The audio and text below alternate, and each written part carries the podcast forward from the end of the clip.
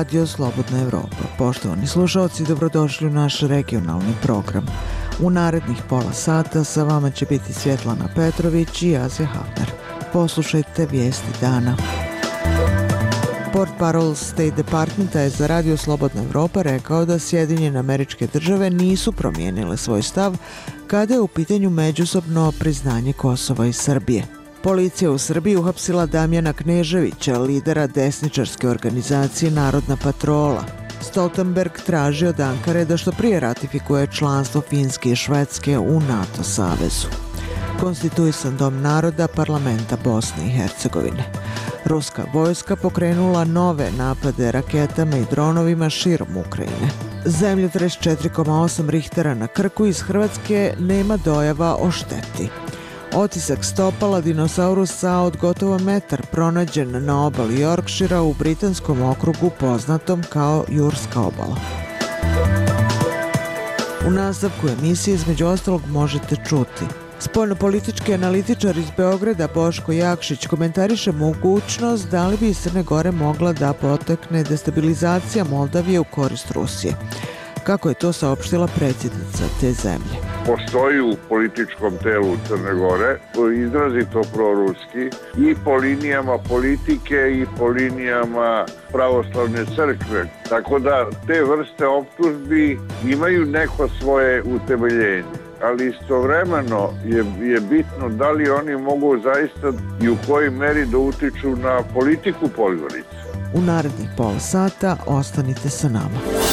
Slušate radio Slobodna Evropa.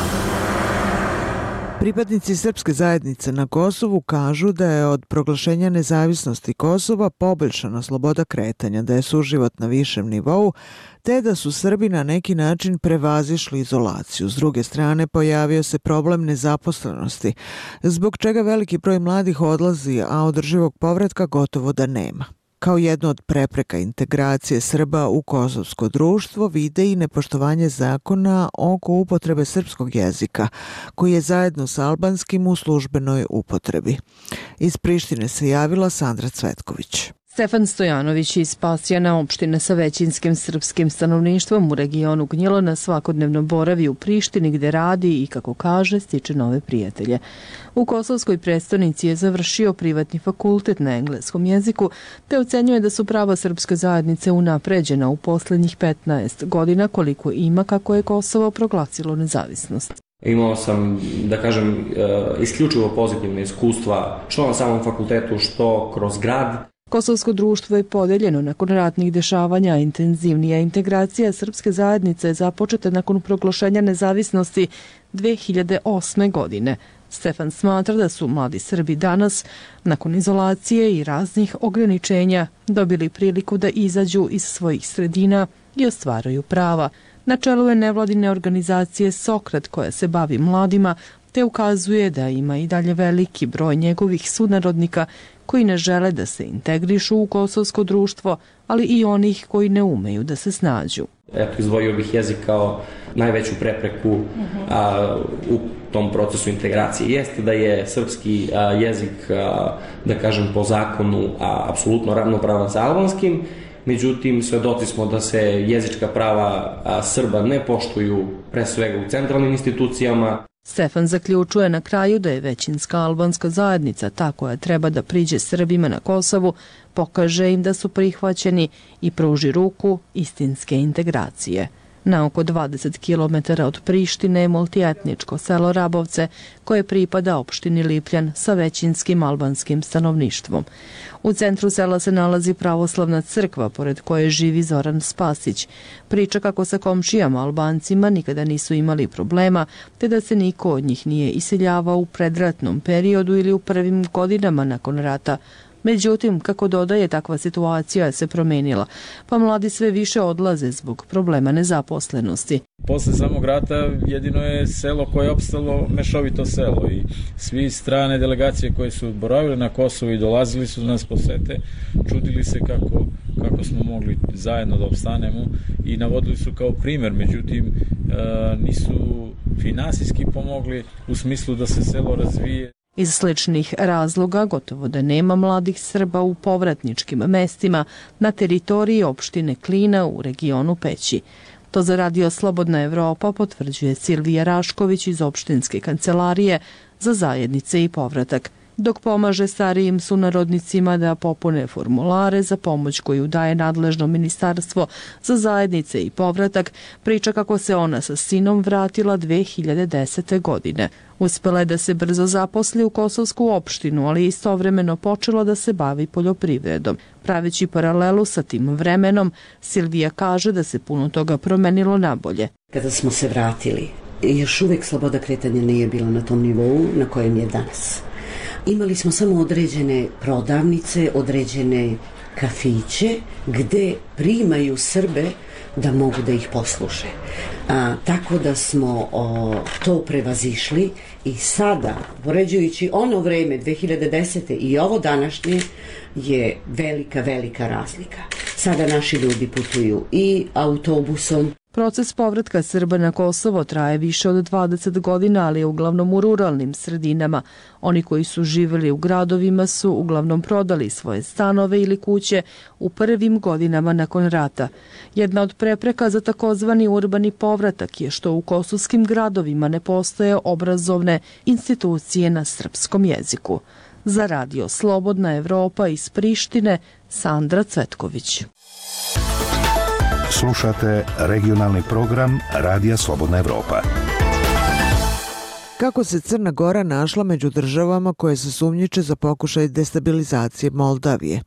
I da li to znači da se u Crnoj Gori vodi dvostruka politika prema agresiji Rusije na Ukrajinu? Za program Radija Slobodna Evropa odgovara spoljnopolitički analitičar iz Beograda Boško Jakšić, sa kojim je razgovarao Srđan Janković. Gospodine Jakšiću, e, kako objasniti činjenicu e, da se Crna Gora, koja je članica NATO-a na prozapadnom kursu po pitanju ruske agresije na Ukrajinu, našla u grupi zemalja čije građane Moldavska predsjednica označila kao moguće izazivače incidenata i destabilizacije u Moldaviji koji bi išli u korist Rusije?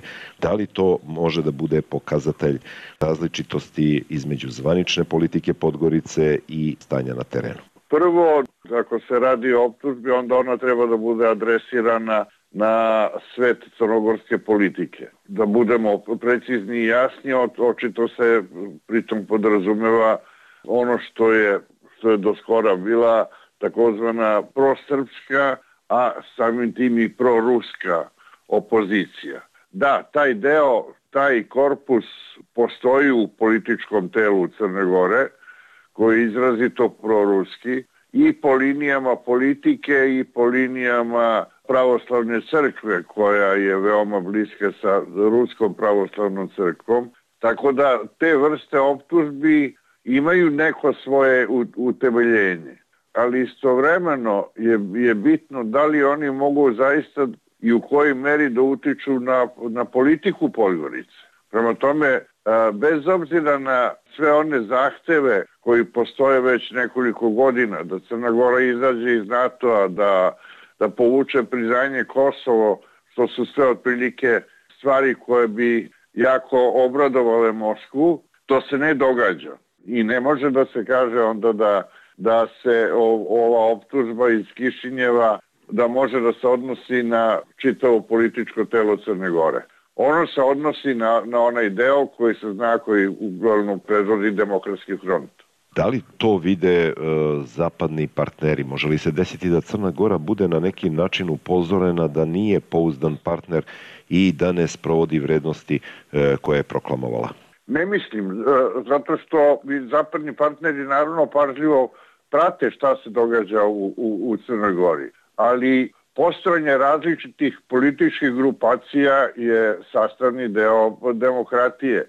I ti zapadni partneri kod sebe imaju krajnje desničarske snage koje su ideološki bliske Moskvi, pa život ide dalje. Prema tome ne mislim da, da ima ikakvih razloga, barem u, u ovom trenutku, za neka upozorenja e, Crne Gore, a kamoli za neku vrstu sankcionisanja. Ako je predsjednica Moldavije iskazala e, jednu takvu e, konstataciju, da li to znači da bi državne službe i institucije u Crnoj Gori e, trebalo da porade na tom problemu? Pa mislim da državnim službama Crne Gore nije bilo potrebno da dođe upozorenje iz Moldavije oni se, ako rade svoj posao, onda bi time već duže vreme trebalo da se bave. Čuli ste spoljno-političkog analitičara iz Beograda Boška Jakšića sa kojim je razgovarao Srđan Janković. Radio Slobodna Evropa vas nikada nije izneverila. Proverite zašto. slobodnaevropa.org Predsjedavajuća vijeća ministara Bosne i Hercegovine Borjana Krišto srela se sa hrvatskim premijerom Andrejem Plenkovićem u Zagrebu. Teme razgovora bile su nastavak uspješne saradnje dvije države, Hrvatska pomoć Bosni i Hercegovini na njenom evropskom putu i saradnja u suzbijanju ilegalnih migracija.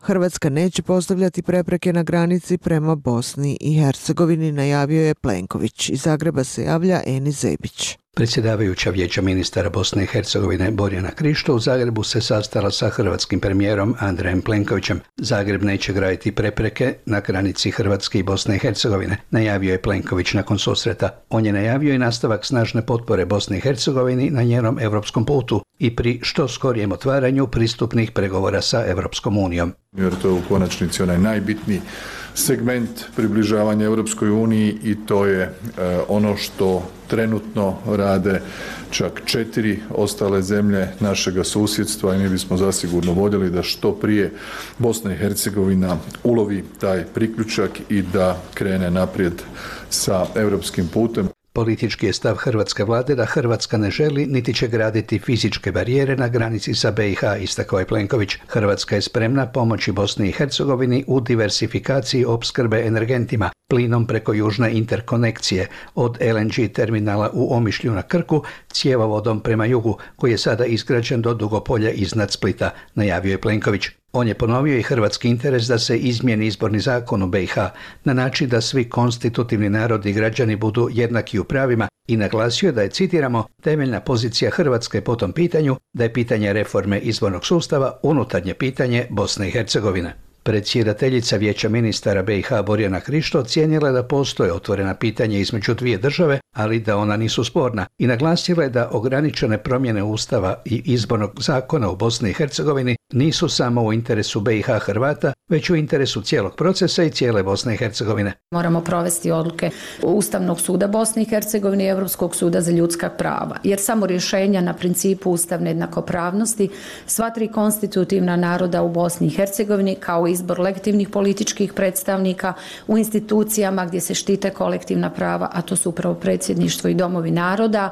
jamče zapravo opstojnost i sigurnost pa i evropsku budućnost Bosne i Hercegovine. Borjanu Krišto primio i hrvatski predsjednik Zoran Milanović, znanstvenica iz Zagrebačkog instituta za razvoj i međunarodne odnose Senada Šelo Šabić u izjavi za naš program pozdravlja suradnju dviju država, ali kaže da i dalje ne vidi kako angažman Hrvatske na zaštiti prava BiH Hrvata pridonosi ukupnoj stabilnosti BiH.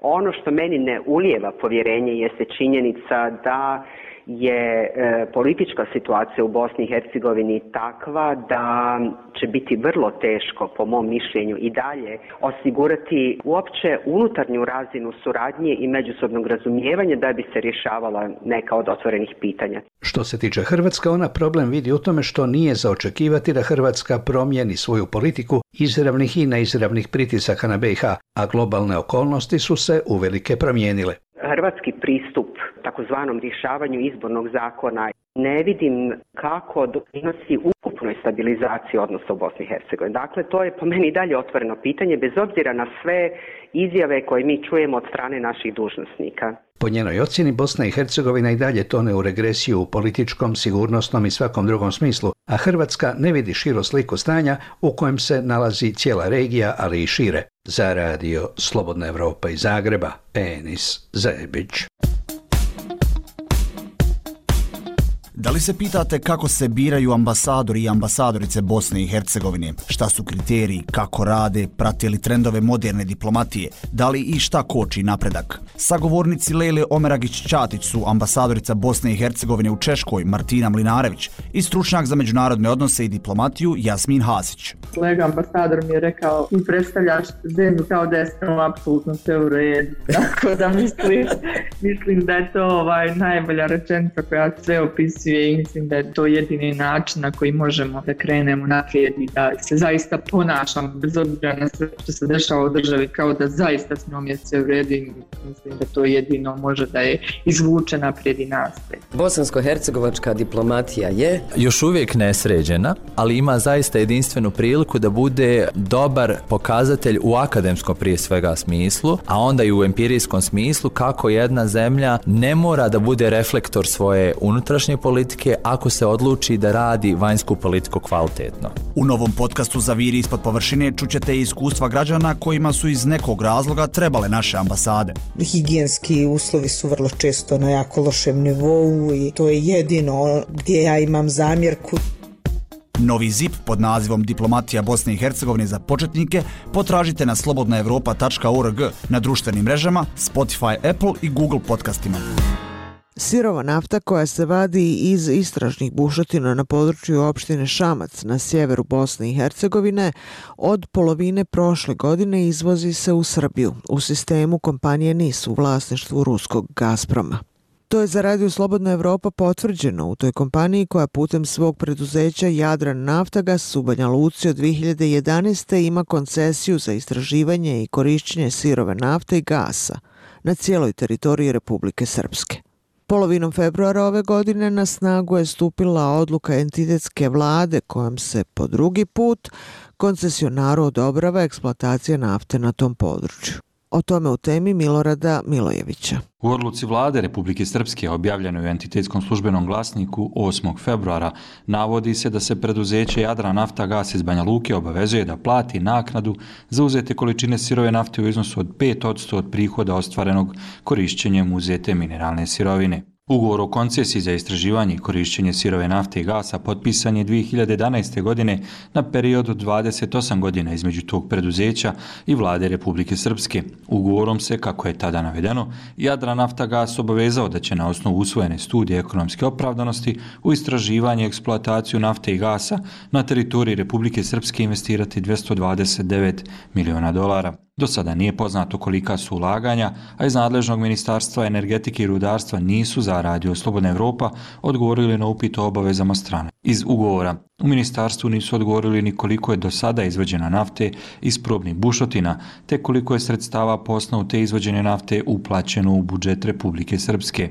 Za ekonomistu Zorana Pavlovića sporno je što se za potrebe istraživanja naftne bušotine vade milioni litara nafte. Ova informacija ukazuje na pokretanje izvoza sirove nafte iz Republike Srpske, a da to nije zvanično ni prijavljeno, ni deklarisano, niti tako carinjeno. Izvozno carinjeno, da budem predsjedno. A u stvari je u biti poklonjeno koncesionaru. Neko bi trebao zapitati šta se krije iza cijele ove priče, kaže i ekonomistkinja Svetlana Cenić. To što bi bila ozbiljna količina nafte, ne bi mogla ići tek tako cisterna, to bi trebalo da bude konvoj cisterni nekakvih ili transport brodom ili naftovodom ili nečim da bi bila ozbiljna količina i da možemo pričati. Međutim, mislim da se ovdje radi o nekim drugim aktivnostima vrlo čudnog karaktera, jer šta će to toliko nafte, mislim, koja nije velika količina za neku potrošnju, za neku rafineriju,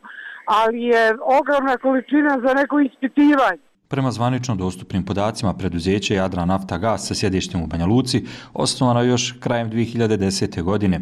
Sjedište preduzeća nedaleko od zgrade vlade Republike Srpske, ali i kancelarija zaključana, na brojeve telefona niko se ne javlja, a ne postojeća i navedena e-mail adresa. Niz NISA koji je vlasnik Jadra Nafta Gasa nisu odgovorili na upit koliko je nafte izvezeno u njihove pogone iz probnih bušotina u naselju Obudovac kod Šamca.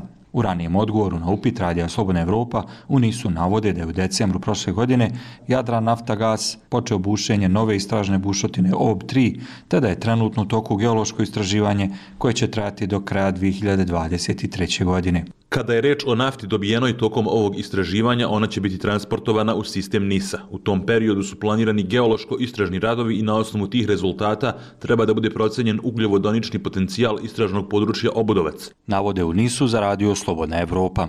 U upravi za indirektno oporezivanje navode da je u toku 2022. i početkom ove godine iz Bosne i Hercegovine vršen izvoz sirove nafte, čije je porijeklo BiH u susjednu Republiku Srbiju, a u svrhu analiza. Međutim, nisu mogli da odgovore na upit koliko je tačno sirove nafte preduzeće Jadran Naftagas izvezlo u Srbiju. Za radio Slobodna Evropa iz Banja Luke, Milorad Milojević slobodnaevropa.org. Pratite nas na Facebooku, Twitteru i YouTubeu. Problem sa snabdjevanjem pojedinim antibioticima u Srbiji je riješen, tako da na tržištu ima svih vrsta lijekova, saopštio Republički fond za zdravstveno osiguranje za radio Slobodna Evropa. Republički fond za zdravstveno osiguranje navodi da se od 10. februara ponovo distribuira sinacilin, jedan od najtraženijih penicilinskih sirupa za djecu. Iz Beograda se javlja Zoran Glavonjić. Galenika Beograd, kompanija koja proizvodi sinacilin, saopštila je 14. februara za Radio Slobodna Evropa da je uz ogromne profesionalne napore krajem januara uspela da započne sa proizvodnjom sinacilin sirupa. Do sada smo proizveli 30.000 pakovanja, a planiramo ukupno 100.000 pakovanja ovog sirupa. To je količina koja treba da obezbedi tržište za narednih pet meseci, navodi se u pisanom odgovoru Galenike AD Beograd. Republički fond za zdravstveno osiguranje RFZO podsjetio je da je prethodno nakon zastoja u proizvodnji tog leka i sa porastom respiratornih infekcija u decembru u Srbiji došlo do povećane potrošnje i nestašice na domaćem tržištu. Galenika je saopštila da se pomenuti zastoj u proizvodnji dogodio usled kvara dela specifične proizvodne opreme, kao i produženog roka isporuke rezervnih delova na globalnom nivou. Ta farmaceutska kompanija dodala je da pored njenih lekova na bazi penicilina na tržištu postoje i proizvodi drugih proizvođača iz ove kategorije. Rafezo je saopštio da je tokom nestašice apotekama isporučena veća količina zamenskih medikamenata, te da će do kraja februara biti proizvedene količine sinacilina dovoljne za više od dva meseca prosečne potrošnje penicilinskih sirupa. RFZO dodaje da se može desiti da određenog leka u kratkom vremenskom periodu nema u pojedinim apotekama ili bolnicama, ali da su pacijentima uvek dostupne paralele tih medikamenata ili druge jačine leka. U Srbiji nemamo situaciju da nedostaju neki lekovi, kao što se dešava u pojedinim evropskim zemljama u posljednje vreme, naveo je RFZO u pisanoj izjavi za RSE. Evropska agencija za lekove EMA saopštila je da se države Evropske unije od novembra suočavaju sa nestašicom antibiotika, te da sa prolećem očekuje normalno snabdevanje. Osim nestašice amoksicilina, koji se najčešće koristi za bakterijske infekcije kod dece, na evropskom tržištu dogodio se i manjak lekova za temperaturu i ublažavanje bolova. Evropski regulator za lekove objasnio je da je do nestašice došlo usled kombinacije više faktora, porasta respiratornih infekcija u zimskom periodu, globalnog pritiska na zalihe u vreme pandemije koronavirusa, zastoja u nabavci sirovina, nedovoljno proizvodnih kapaciteta i poteškoća u transportu. RFZO je saopštio da poremeće na evropskom tržištu može da utiče i na situaciju u Srbiji, da prati promene u snabdevanju lekovima i da je u komunikaciji sa dobavljačima i proizvođačima. Apoteka Beograd, najveća apotekarska ustanova u državi pod ingerencijom grada, saopštila je za Radio Slobodna Evropa da nije bilo većih nestašica i da periodično dolazi do deficita pojedinih lekova, od kojih su neki inostrane proizvodnje. Bilo je otežano snabdevanje penicilinskim sirupima, antidiabetikom Ozempik i antiepileptikom Eftil.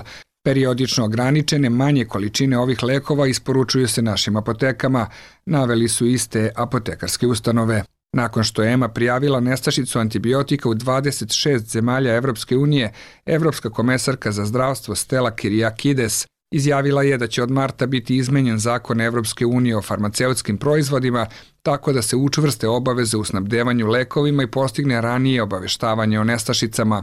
Kako je na početku pandemije koronavirusa pisao BBC, globalna farmaceutska industrija vredi više od trilion dolara, dok se lanci snabdevanja protežu od ključnih proizvođača u Kini i Indiji preko skladišta za pakovanje u Evropi, Južnoj Americi ili Aziji do distributera koji šalju lekove u svaku zemlju na svetu. Za Radio Slobodna Evropa iz Beograda, Zoran Glavonjić.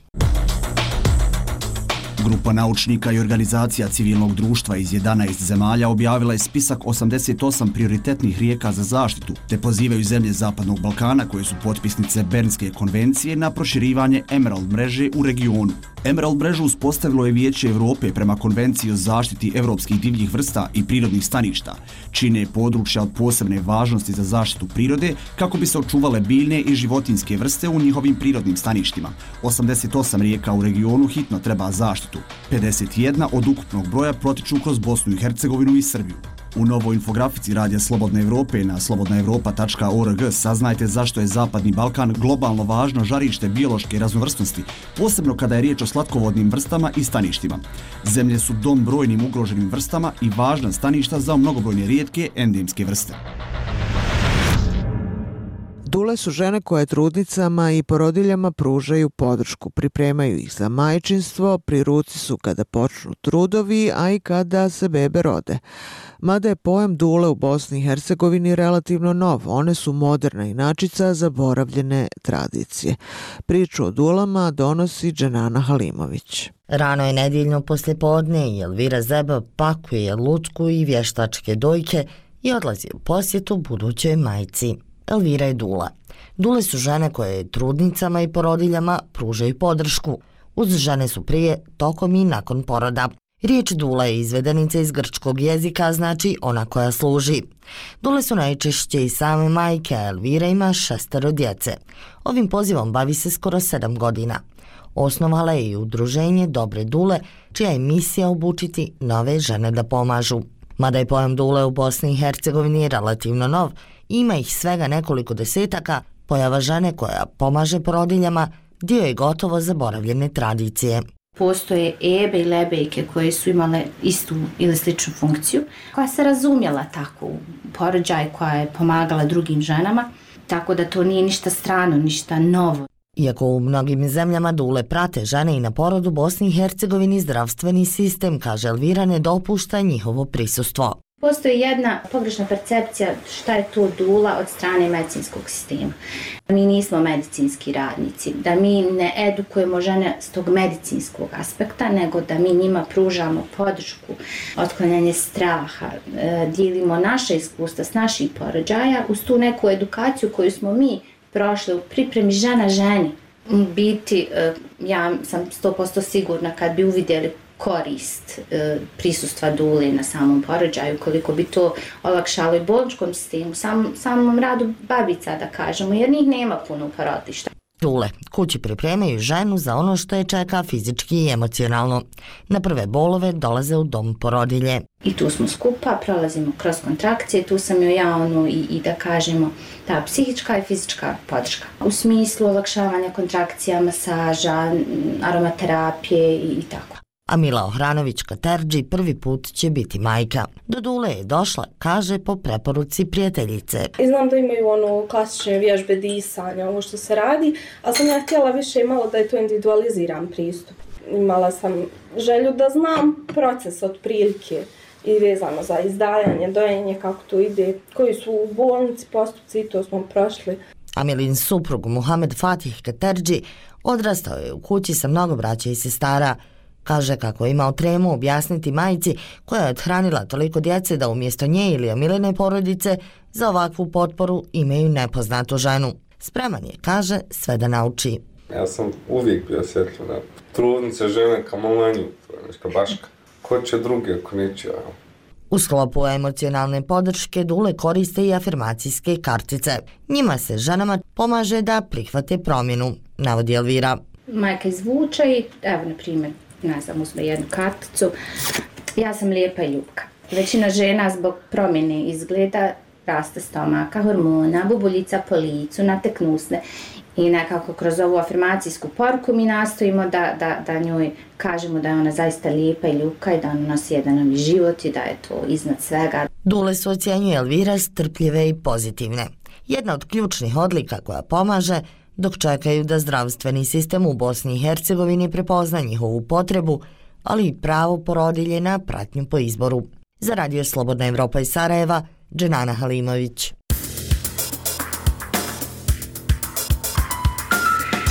Bilo je to sve u regionalnom programu Radija Slobodna Evropa. Nove epizode naših podcasta pronađite na Spotify, Google podcastima, iTunesu kao i na našem sajtu slobodnaevropa.org. Iz Praga vas pozdravljaju Svjetlana Petrović i Asja Hafner. Prijatno i do slušanja.